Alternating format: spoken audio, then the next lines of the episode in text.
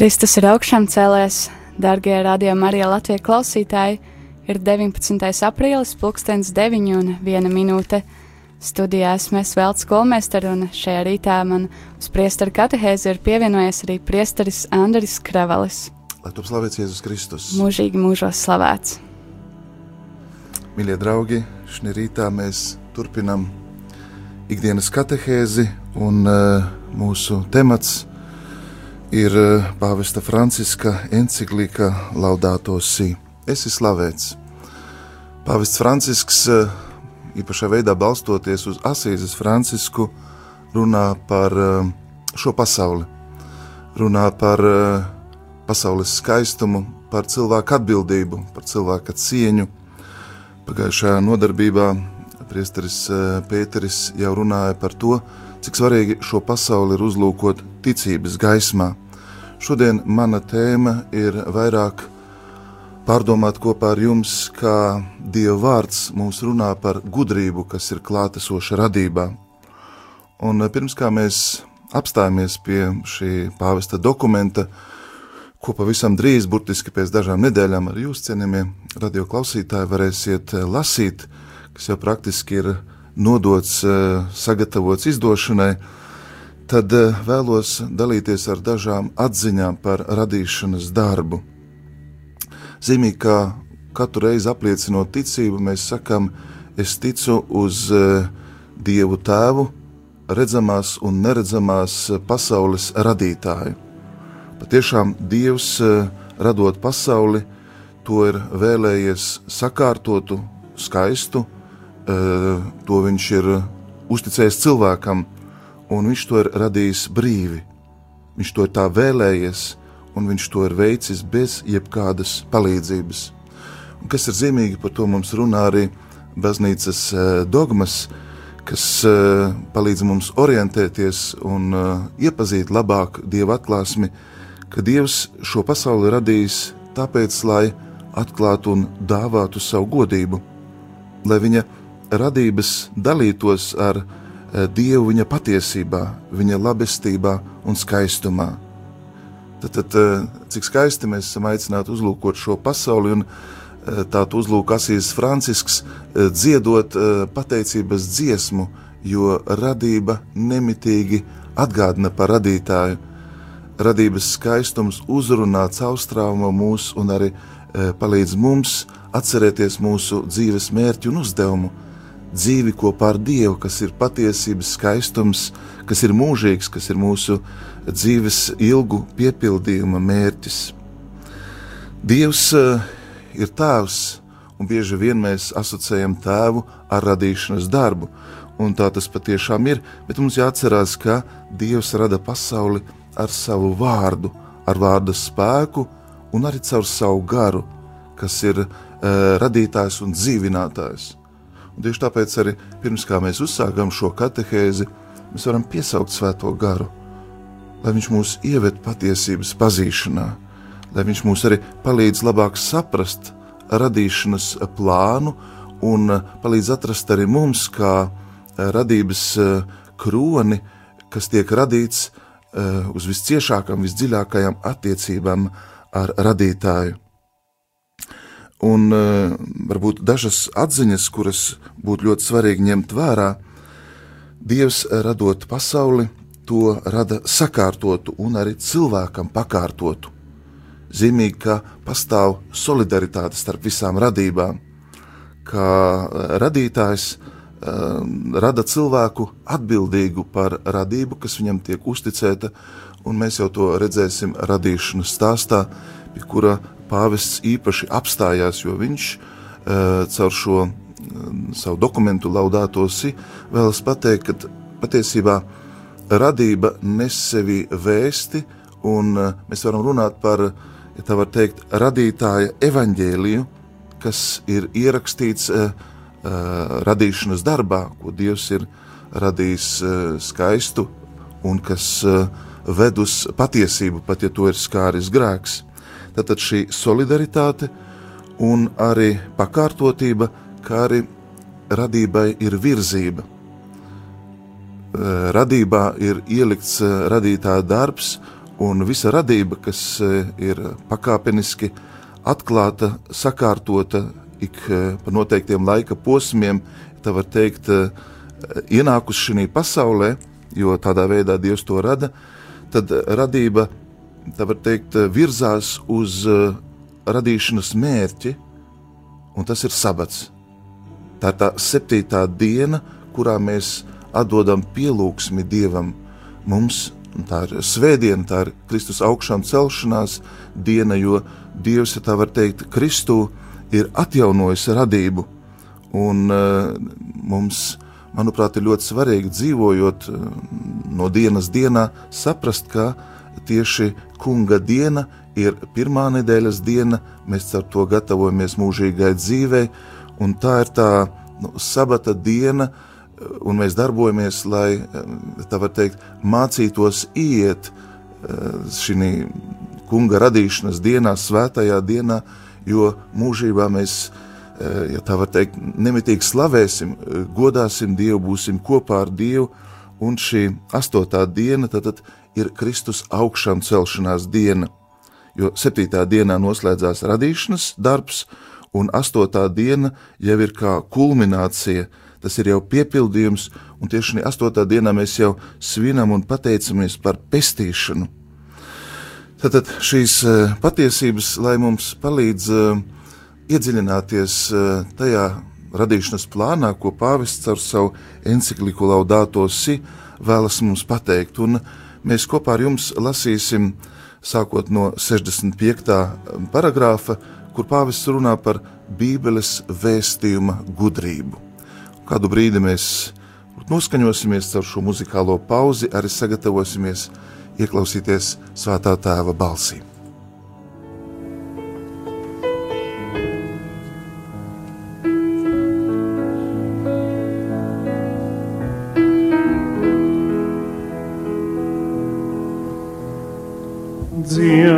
Mana dvēsele dzied, caur tūkstošu balsīm klusi. Dievs manā dvēsele dzied, kas zvaigznēm pieabirusi. Skumst mana dvēsele skumst kā zvējas tīkli jūras krastā skumst, mana dvēsele skumst, tā skumst, kur zemē. Dzied mana dvēsele dzied, caur tūkstošu balsīm klusi. Dievs manā dvēselē dzied, kas zvaigznēm pieabirusi.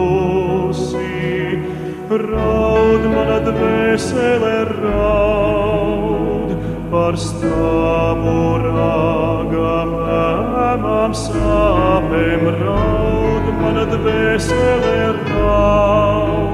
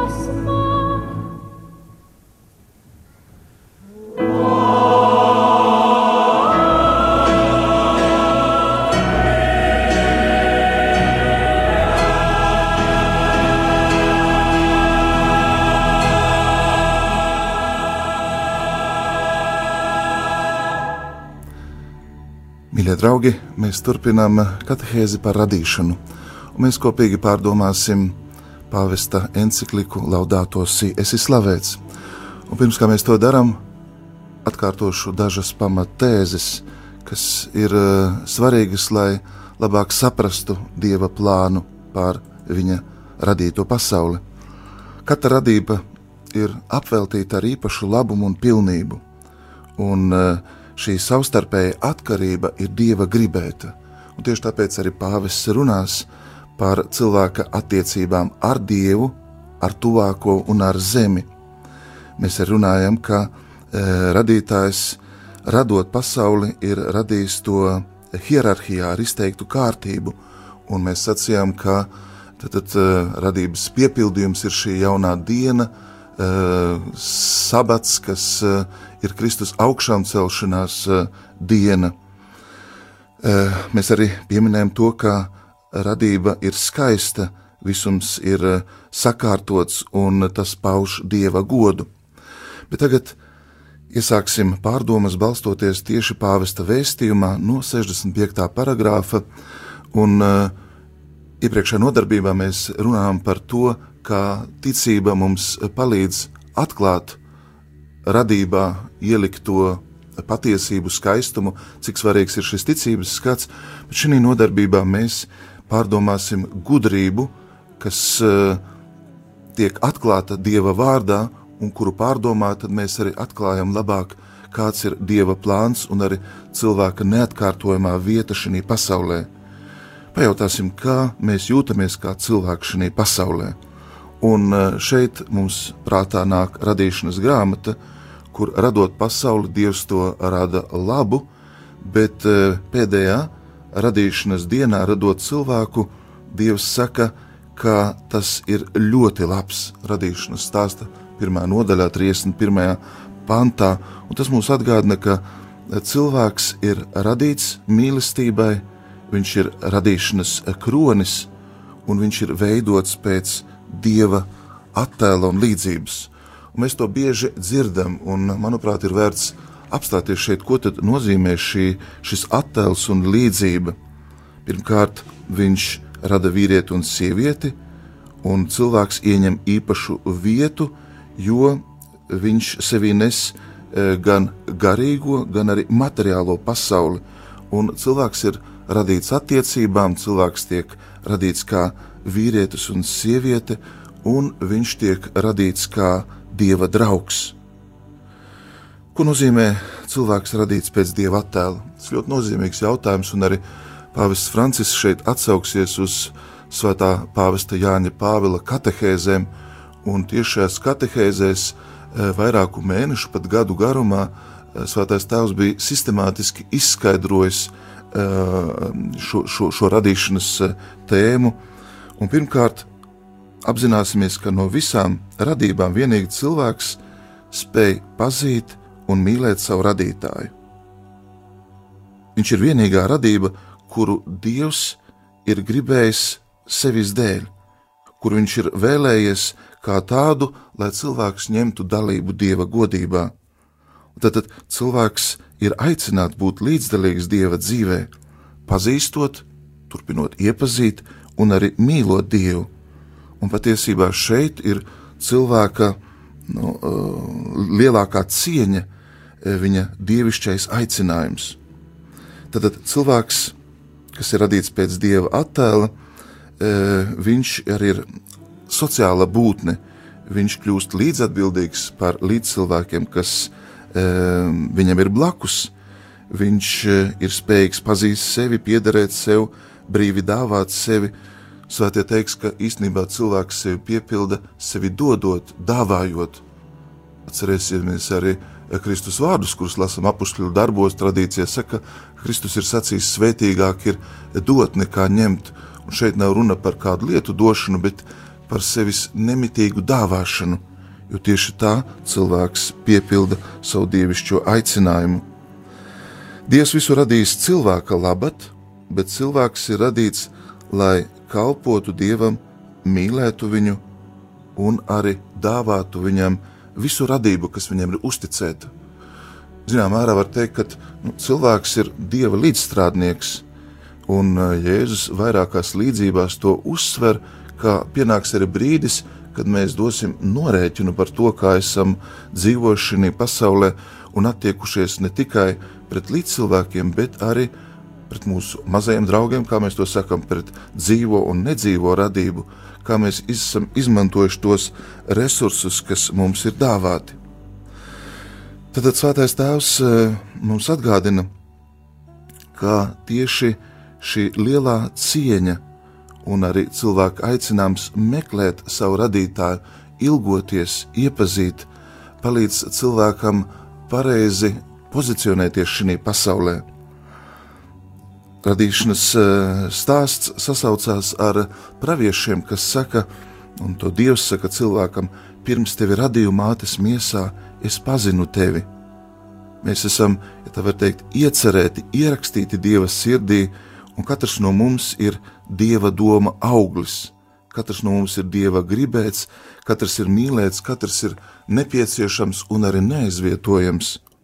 Savā veidā Dievs skatās uz katru no mums kā unikālu, neatkārtojumu radību.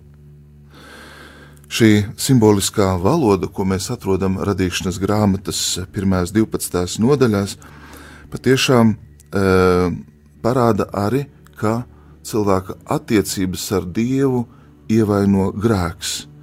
Zinām, mērā tam ir tik postošs darbs, tik postošs efekts, ka tas, ja tā var teikt, dziļi ievaino, pat kaut kur sagrauj daļēji to darbu, ko Dievs ir radījis un kas ir uzticēts cilvēkam.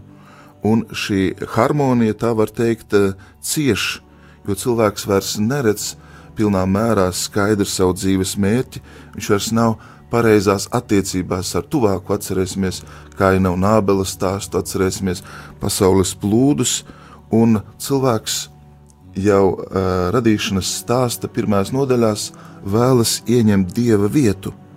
Viņš uh, nevēlas atzīt, ka ir ierobežots un nemitīgi patiesībā ceļ savā dzīvē tādu nu, bābeles torni, un viņš vairs arī nav spējīgs uzņemties atbildību par savu tuvāko. Atcerēsimies šis uh, kaina uh, slepkavības darbs, ar kuru viņš ir atbildējis uh, dievam, sakot, es neesmu sava brāļa sargs. Un pāvests atgriežas pie šīm uh, tēmām un atgādina, ka mēs esam aicināti iet no jauna ar dieva atziņu harmonijā. Un īpašā veidā Asīzes Francisks to piepilda. Viņš kļūst kā uzskatāms, redzams piemērs, kā cilvēks ir spējīgs izlikt, piedot un arī būt eh, tiešām eh, nu, harmonijā ar radību. Un šeit pāvests atgādina Svēto Bonaventūru, kurš raksta, ka Svētais Francisks caur šo samierināšanos ar visu radību īstenībā no jauna ir atgriezis šo sākotnējo nevainības stāvokli.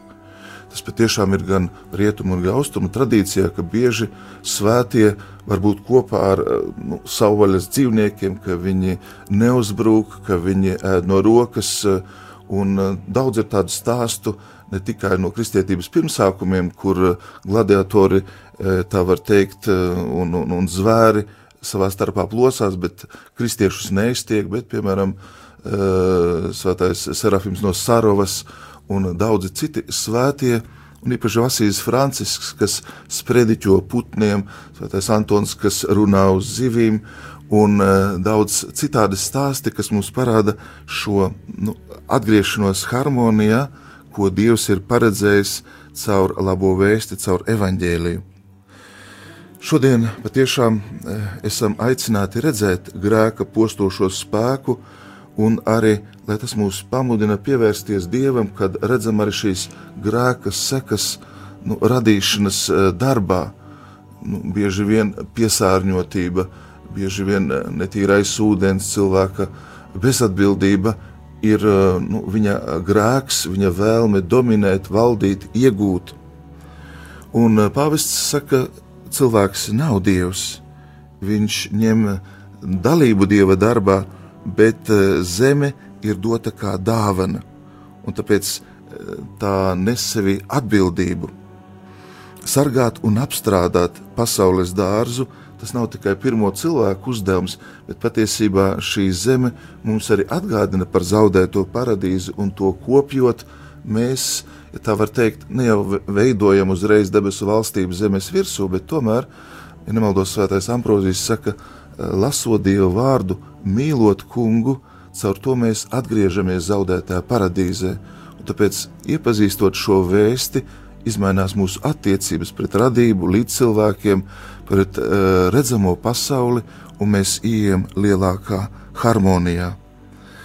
Apstrādāt, kultivēt zemi, bet arī tāpat laikā sargāt, tas nozīmē to aizstāvēt, aprūpēt, saglabāt, saprast, ka mēs uh, to nodosim tālāk nākošām paudzēm, un mēs esam tikai Dieva līdzstrādnieki.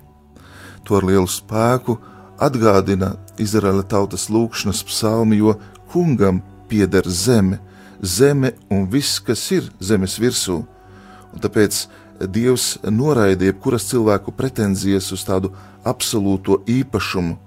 Atcerēsimies, piemēram, vecajā derībā, Levītu grāmatā ir ļoti daudz priekšrakstu, ka zeme nevar pilnā mērā nonākt cilvēku īpašumā. Tā ir jāatgriež pēc noteikta laika, tā ir jāatstāj atmatā. Mēs nevaram nemitīgi, ja tā var teikt, no tās izsūkt augļus. Un patiesībā, ja mēs atgrieztos pie šīs bibliskās gudrības, par ko jau runā vecā derība, mēs redzētu savu zemi daudz auglīgāku, sakārtotāku un uh, svētīgāku, svētāku um, priekš cilvēka un priekš uh, visas pasaules. Tad, tad Dievs ir apveltījis cilvēku ar cieņu, ar saprātu un arī atbildību. Viņš to ir nolicis šajā pasaulē, viņš devis tai robežas, un uh, tieši attiecībās ar šo pasauli, ar tuvāko, patiesībā nu, cilvēks uh, sagatavo sev mūžību. Ir arī brīdinājumi jau vecajā derībā, ka cilvēks nevar kļūt uh, despotisks pret uh, mājdzīvniekiem, uh, pret eh, līdzcilvēkiem, pat ja tie ir kalpi vai vergi. Eh, cilvēks nevar šeit uzvesties nu, tādā veidā, eh, kā dievs, jo viņš ir tikai līdzstrādnieks dieva darbā. Un tad, tad ir jābūt līdzatbildīgam, ir jāprot arī priecāties par radību, jo tā godina un uh, dod visu cilvēkam nepieciešamo, tā nemitīgi uztur un uh, zeme kā māte, kā kopējās mājas, tad, tad īpašā veidā nu, palīdz cilvēkam sagatavoties mūžībai.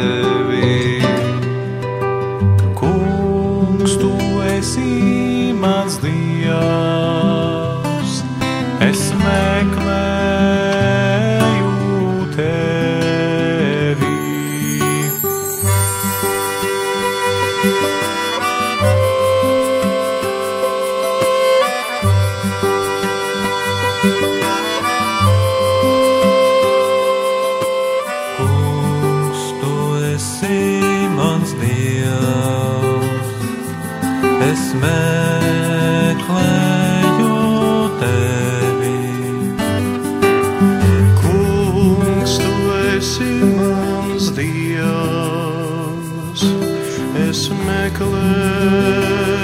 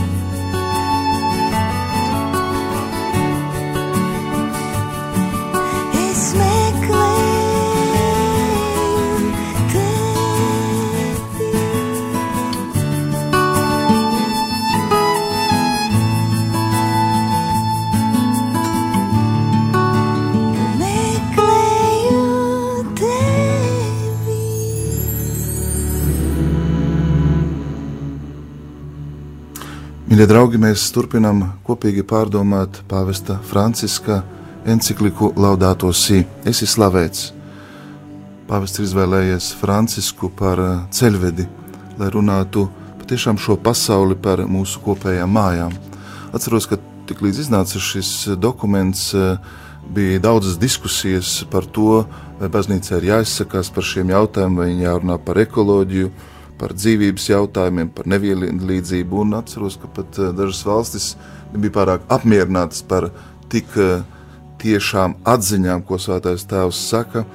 Un eh, patiesībā es domāju, ka tad, kad mēs paši lasīsim, iedziļināsimies šajās patiesībās, tās mums ļoti palīdzēs. Jo īstenībā pāvests jau runā par tādu ekoloģisko garīgumu.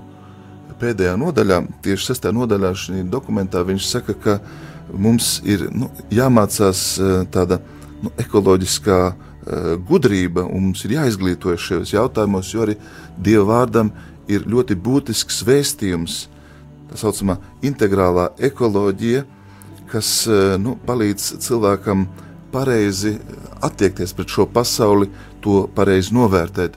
Un kopā ar jums mēs esam apstājušies pie otrās nodaļas, pie radīšanas evaņģēlija.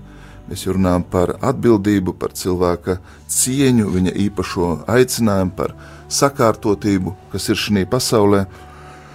Un eh, mēs eh, apstājamies pie 70. paragrāfa, kur eh, pāvests parāda, kā jau cilvēces pirmsākumos pēc grēkā krišanas vairojas ļaunums tieši tāpēc, ka cilvēks eh, nemeklē vairs dievu, viņš neizjūt atbildību pret tuvāko ar vairākiem stāstiem par kainu un ābelu, par nosa plūdiem. Um, Pāvests atgādina, caur kādiem pārbaudījumiem cilvēce ir gājusi, e, ka tā ir novērsusies no dieva, bet tāpat laikā vienmēr caur to ir atklājusies dieva mīlestība, dieva pedagoģija un dieva žēlastība, kas vēlas glābt, kas vēlas cilvēku darīt brīvu un atbrīvot no grēka verdzības. Un eh, 71. paragrāfā Pāvests saka, neskatoties uz to, ka pieauga cilvēka ļaunums uz zemes, un eh, tādā metaforiskā veidā ir pateikts, ka Dievs nožēlo, kā ir radījis cilvēku radīšanas eh, grāmatas 6. nodaļā, 6. pantā, Dievs tomēr eh, nolem dot pestīšanas ceļu caur nosu, un zinām, ka nos būs tas, kas slēgs pirmo arī derību, kas skar mūs visus, jo viņš ir palicis godīgs un taisnīgs un caur viņu cilvēkam pavērās jauna iespēja. Kaut kur jau caur nosu patiesībā mēs domājam arī par Kristu, kas ar evaņģēlīja vēstu, ar savu augšām celšanos atjauno radību, atklāja, ka mēs, eh, esot kopā ar Kristu, varam ieiet šī Dieva bērnu harmonijā, ko grēks ir ļoti dziļi ievainojis. Un, eh, lai tas notiktu, tad Dieva vārds jau ļoti agri mums atgādina sabata likumu. Tā ir septītā diena, kad Dievs atpūšas no visiem saviem darbiem, kas ir uh, arī pavēle Izrēlam svinēt katru septīto dienu, ne tikai kā atpūtas dienu, bet arī kā Dieva pagodināšanas darbu. Un mēs dažreiz aizmirstam, ka šīs septītās dienas ir arī septītais sabata gads, kad eh, netiek eh, sēts eh, Levītu grāmata, kas apkopo vecās derības priekšstus un likumus, arī runā par viesmīlību, par tuvāku mīlestību, par izturēšanos pret kalpiem. Un visbeidzot, arī šis septītais gads saistās arī ar 49. gadu, kas ir jāsvin kā jubilejas gads. Piemēram, mēs tagad šī gada esam īpaši Dieva uh, žēlsirdības gadā. Šis ir kā jubilejas gads, kad um, žēlsirdība īpašā veidā tiek dāvāta visai baznīcai, tad arī redzam pamatojumu svētajos rakstos, ka tieši tādā veidā nu, līdzsvars starp bagātiem un nabagiem, harmonija starp cilvēku un radību, un arī tā atbildība tiek arī īstenot. Piemēram, Levītu grāmatā kaut kā viens tāds pants, kas nāk prātā, kad jūs novācat savā zemē ražu, laukmalu atstājiet nenovāktu, nokritušās vārpas tu nelasīsi, savu vīna dārzu nenovāc pavisam, un kritušās vīnogas savā vīna dārza uzla, neuzlasi, bet atstāj tās nabagiem un svešiniekiem. Tad, zināmā mērā, arī apstrādājot zemi, mēs jau esam aicināti dalīties paredzēt eh, to iespēju, ka arī nu, citam pienākas tas, ko mēs esam saņēmuši no eh, zemes, zemes kā mūsu mātes, kas par mums gādā, bet tāpat laikā arī uzliek atbildību par tiem, kam eh, pietrūkst, kas ir varbūt nu, trūkumā un kuriem ir kādi pārbaudījumi. Mēs ne tikai pastāvam pateicoties Dieva varenībai, bet mēs dzīvojam Viņa priekšā, viņu mēs pielūdzam, un mēs to nevaram uh, izdarīt pilnā mērā, labi un pareizi, ja mēs neuzņemamies atbildību par līdzcilvēkiem. Vēl kāda ļoti uh, svarīga atziņa, ko Svētais Tēvs mums atgādina caur šo encikliku, ka cilvēkam ļoti svarīgi ir uh, nevis tas, ko viņš um, dara, bet ka viņš ir. To viņš atgādina no e, Vācu biskupu konferences. Var teikt, ka būt ir svarīgāk nekā būt noderīgam. Bieži vien sabiedrībā nu, cilvēku vērtē pēc tā, ko viņš dara, e, cik viņš e, ir noderīgs, liederīgs, bet labā vēsts mums atgādina, ka pirmais mūsu uzdevums ir būt, un vārds būt sevi ietver dievu pazīšanu apziņu, ka esam Dieva bērni mīlestību, lai kāds nebūtu mūsu stāvoklis. Jo, ja mēs tādā veidā mēram pasauli un izturamies pret līdzcilvēkiem, tad patiesībā nu, mēs uh, neuzlūkojam pasauli un arī cilvēku ar evaņģēlijas skatienu. Turpinot uh, šīs pārdomas, Svētais Tēvs saka, mums ir jāveido tāds garīgums, kas ļauj mums ieraudzīt Dievu kā radītāju, viņa tēvišķās rūpes par radību, viņa klātbūtni. Un uh, labākais veids, kā to darīt, ir pagodināt Dievu. Neiedomāties, ka mēs esam absolūti valdnieki un ka pasaulē mums jākalpo, bet gluži pretēji, ka mēs esam aicināti atdot godu un arī redzēt, kā Asīs Francisks, uh, piemēram, savā dziesmā, no kurienes tad arī ir nu, ņemti šie vārdi, esi slavēts, redz kā pasaule, kā uh, lietus un sniegi, kā vējš, kā saule, kā mēnesis, darot savu darbu, uh, mums atgādina un kalpo uh, radītājiem, jo ir uh, iekļauts šajā radīšanas darbā un uh, nu, to īsteno katrs pēc savas sūtības. Un tieši to uzlūkojot, tas arī atgādina cilvēkam, nu, cik svarīgi ir neaizmirst radītāju, viņam mīlēt, viņu meklēt, viņam atdot godu un arī dzīvot tādā pateicībā. Ļoti daudz šīs pateicības mēs redzam psalmos. Ir tādi psalmi, kas nemitīgi atgādina, kungs, tava žēlsirdība ir no dienas dienā. Tu uh, nemitīgi par mums uh, rūpējies un vadi. Tu mūs um, kā podnieks, kas uh, veido māla traukus, uh, tu vēlies no mums to labāko, tu mūs stiprini. Šodien šīs atziņas eh, palīdz mums būt eh, prieka un pateicības pilniem, iesākot šo jauno dienu, uzlūkot brāļus un māsas un teikt, tā tiešām ir Dieva dāvana, kas mums ir dota, un ar um, atbildību, ar, kunga mīlestības uh, spēku, ar uh, atbildību par arī kopējo labumu, mēs vēlamies patiešām nu, iesākt šo dienu, pateikties Dievam un slavēt savu radītāju, pestītāju un glābēju. Dārgie klausītāji, šis ir brīdis, kad katehēzē varat iesaistīties arī jūs. Priecāsimies par jūsu jautājumiem. Tālruņa numurs īsiņām ir 266, 772, 72, un eh, varat arī zvadīt uz studijas tālruņa numuru 8809.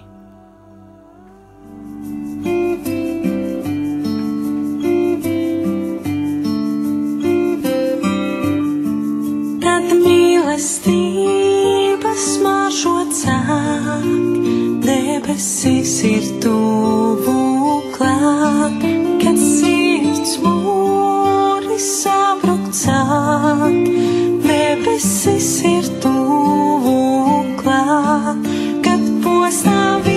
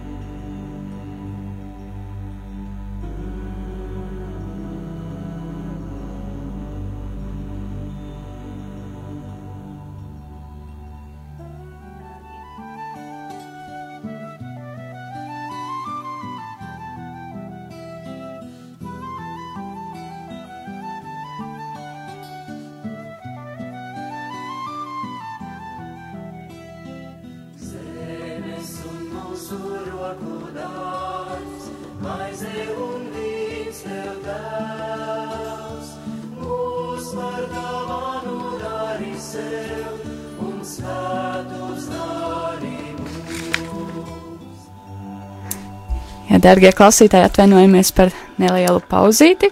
Mums bija kāds ļoti skaists zvans, bet uh, tagad pievēršamies jūsu atsūtītajiem jautājumiem. Atgādinam arī uh, tālruņa numuru izziņām. Tas ir 266, 772, 72, un tālruņa numurs studijā jūsu zvaniem ir 8809. Bet tad kāda izziņa, ko esam saņēmuši? Šeit ir citāts no vēstules romiešiem 8. nodaļas, jo arī pati radība reiz tiks atsvabināta no iznīcības verdzības un iegūs dieva bērnu apskaidarību un svabadību. Kā to saprast? Tātad līdz ar Kristus otro atnākšanu radības materiālā puse nepazūd, bet tikai ir jaunā kvalitātē?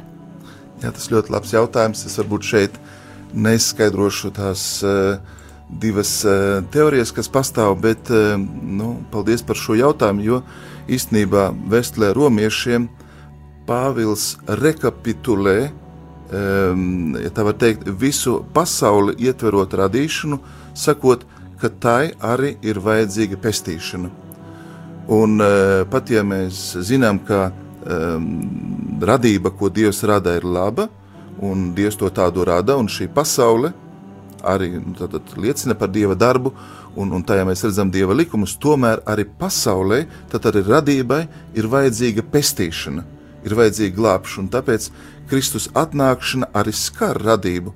Mēs nevaram distancēties un teikt, ziniet, e, mēs esam e, vienīgie šajā pasaulē dievam radīti, un e, mēs glābsim savas dvēseles, bet mums ir pilnīgi vienalga, kas notiek mums apkārt.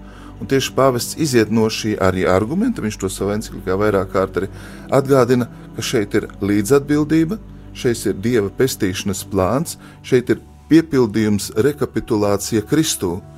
Varbūt pietrūks laika un grūti būtu pateikt, kādā veidā šī radība, tā var teikt, tiks atjaunota.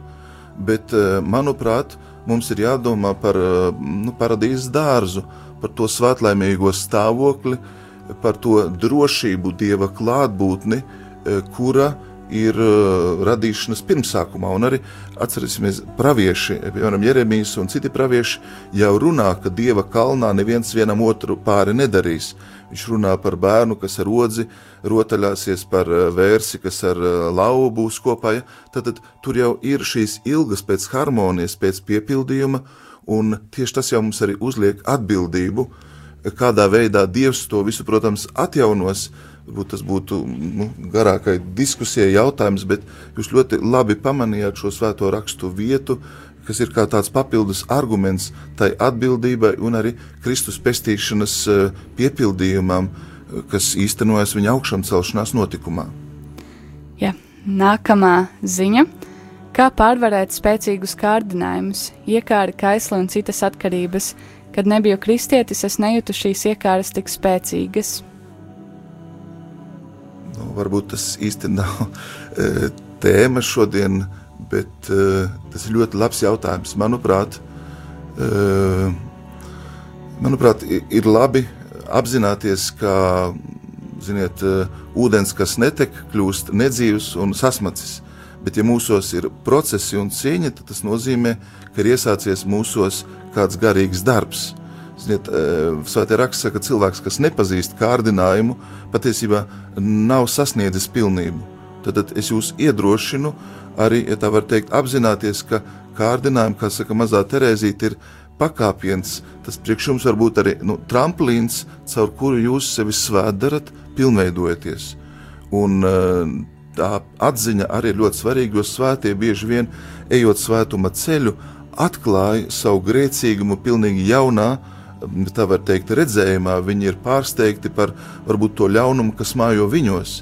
Un tad, tad zinām, mērā jūsu pieredze sasaucās, jo jūs, nu, mīlot Dievu, dzīvot viņa žēlastības spēkā, nu, jau redziet uh, savas nepilnības kā, nu, ar lupu.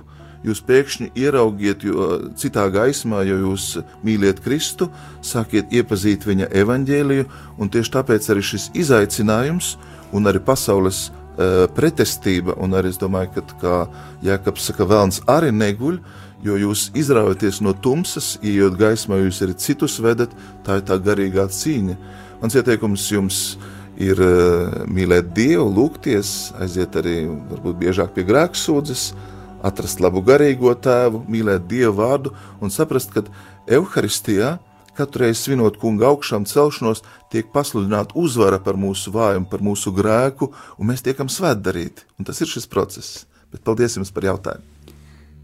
Jā, paldies par jautājumiem. Ir vēl iespēja paspēt kādu uzdot. Tālruņa numurs izziņām ir 266, 772, 72, un tālruņa numurs jūsu zvaniem ir 8809.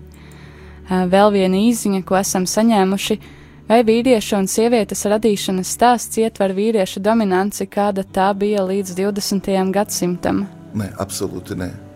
Un es domāju, ka šeit ir kristietības nopelns, jo, manuprāt, eh, baznīca vienmēr ir vēlējusies, un arī ne tikai vēlējusies, bet īstenojusi un atgriezusi eh, sievietes īpašo cieņu un aicinājumu, ko mēs redzam dievmātē, ko mēs redzam svētajos, jo tieši eh, kristietība uzsver, kā cilvēki, kas ir radīti, tātad eh, dažreiz mēs arī pārprotam, ko nozīmē sieva, kas ir radīta no uh, Ādama, un mēs bieži vien lietojam ribas kaula, bet īstenībā Dieva vārds mums vairāk saka, ka sieviete ir radīta no Ādama puses, no viņa sāna, burtiski tāda būtu viena no pareizākām interpretācijām, kas ļautu mums to labāk saprast, ka eh, Ādams atzīst eh, ievu, redz viņā, ja tā var teikt, savu piepildījumu, un cilvēki, vīrietis un sieviete viens otru papildina. Tad saprotiet, ja uh, vīrietis nerespektē un neredz sievietes cieņu, patiesībā viņš pilnā mērā nevar mīlēt Dievu, nevar īstenot Dieva plānu, jo otrs cilvēks, otrs dzimums, viņam atgādina arī Dieva īpašo gādību un rūpes. Un tāpēc, eh, manuprāt, eh, ir svarīgi redzēt, ka vīrietis un sieviete nemitīgi papildina, palīdz viens otram, un eh, laulība ir dievišķa institūcija.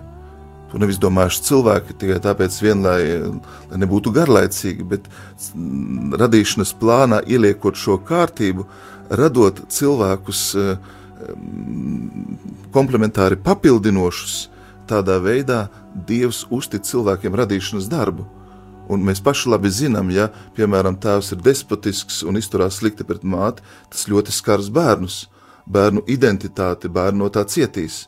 Un arī otrādi, un tāpēc apustulis Pāvils daudz rakstīs, piemēram, vēstuli efeziešiem, viņš runās par uh, tēva mātes, par vīriešu sievietes attiecībām, un viņš teiks, raugieties uz Kristu un viņa baznīcu. Raugieties uz šo modeli, kur Kristus atdod savu dzīvību par baznīcu. Tad, tad, un arī baznīca, kas ir nemitīgi aicināta atdot godu Kristum. Un, um, katram cilvēkam ir neatkārtojams aicinājums, un arī šī īpašā cieņa, un tāpēc arī baznīca iestājās ja, par uh, laulības svētumu. Viņi iestājās arī, protams, par dzimumu vienlīdzību, bet vienlīdzība nenozīmē reducēt cilvēku īpašo aicinājumu, sūtību, un, ziniet, uh, baznīca nevar pieņemt un iedomāties, ka, uh, piemēram, vecāki varētu saņemt tādu nu, funkciju, uh, radītājs viens, radītājs divi, vai vecāks viens, vecāks divi. Nu, tas nav iespējams, jo gan vīrietis, gan sieviete nes sevi, tā var teikt, dievišķu sūtību, kas piepildās laulībā, kas piepildās arī laulāto savstarpējās attiecībās. Un tieši tāpēc visi citi modeļi, lai kādi tie nebūtu, un lai kā ideoloģija tos mums eh, neuzspiestu, vai par tiem nerunātu, vai pat dažreiz nemanipulētu, viņi nav saskaņā ar dieva plānu, ar radīšanas plānu. Un, un tieši tāpēc tik svarīgi ir atgriezties pie radīšanas stāsta, redzēt to kārtību un skaistumu. Es dzirdēju vakar ļoti skaistu atziņu, un kas mani pārsteidza. Pavisam nesen Vācijā bija tāda aptauja jauniešu vidū, viņiem jautāja, kāda ir augstākā, svarīgākā pirmā vērtība no visiem. Un zini, ko viņi teica? Ģimene. Un tad jautāja, nu kā tas iespējams ģimene, vai tad jums neinteresē kas cits? Bet viņi teica, ģimene ir uzupurēšanās eh, un uh, svētdarīšanas vieta. Īstenībā viņi uz, precīzi teica tā, ka ģimenē māte ir tā, kas mīl, tā, kas uzupurējās, un tieši tas bērnam, un īpaši viņiem kā jauniešiem, ir visvairāk vajadzīgs. Tāpēc visa veida modeļi, kas izslēdz vai mēģina manipulēt ar tēva un mātes lomu, tie ir, eh, ja tā var teikt, cilvēkam kaitīgi un aplami, jo tie nodara pāri viņa identitātei. Protams, ja ir kāds ievainojums, par to vajag rūpēties, un par to, to vajag kopt, un evaņģēlīja gaismā eh, cilvēks, um, nu, ja tā var teikt, ir aicināts atgūt to, to cieņu nostiprināt to identitāti, ko ir saņēmis, bet mēs nevaram šo vīriešu un sievietes identitāti sapludināt vai, vai, vai, vai mainīt vai kaut kādā veidā ma manipulēt. Jā, paldies, Priesteri Andra Krevela, par uh, le uh, lekciju, par katehēzi, arī par atbildēm uz jautājumiem. Paldies klausītājiem par jautājumiem, arī par zvanu. Liels paldies! Tad pēc dažām minūtēm turpinām šo rītu ar kopīgu lūkšanu, ar kopīgu litāniju, lai šī diena ir priecīga un sveitīga tiem, kuri turpina savus darbus un tiekamies pēc pavisam neilga brīža.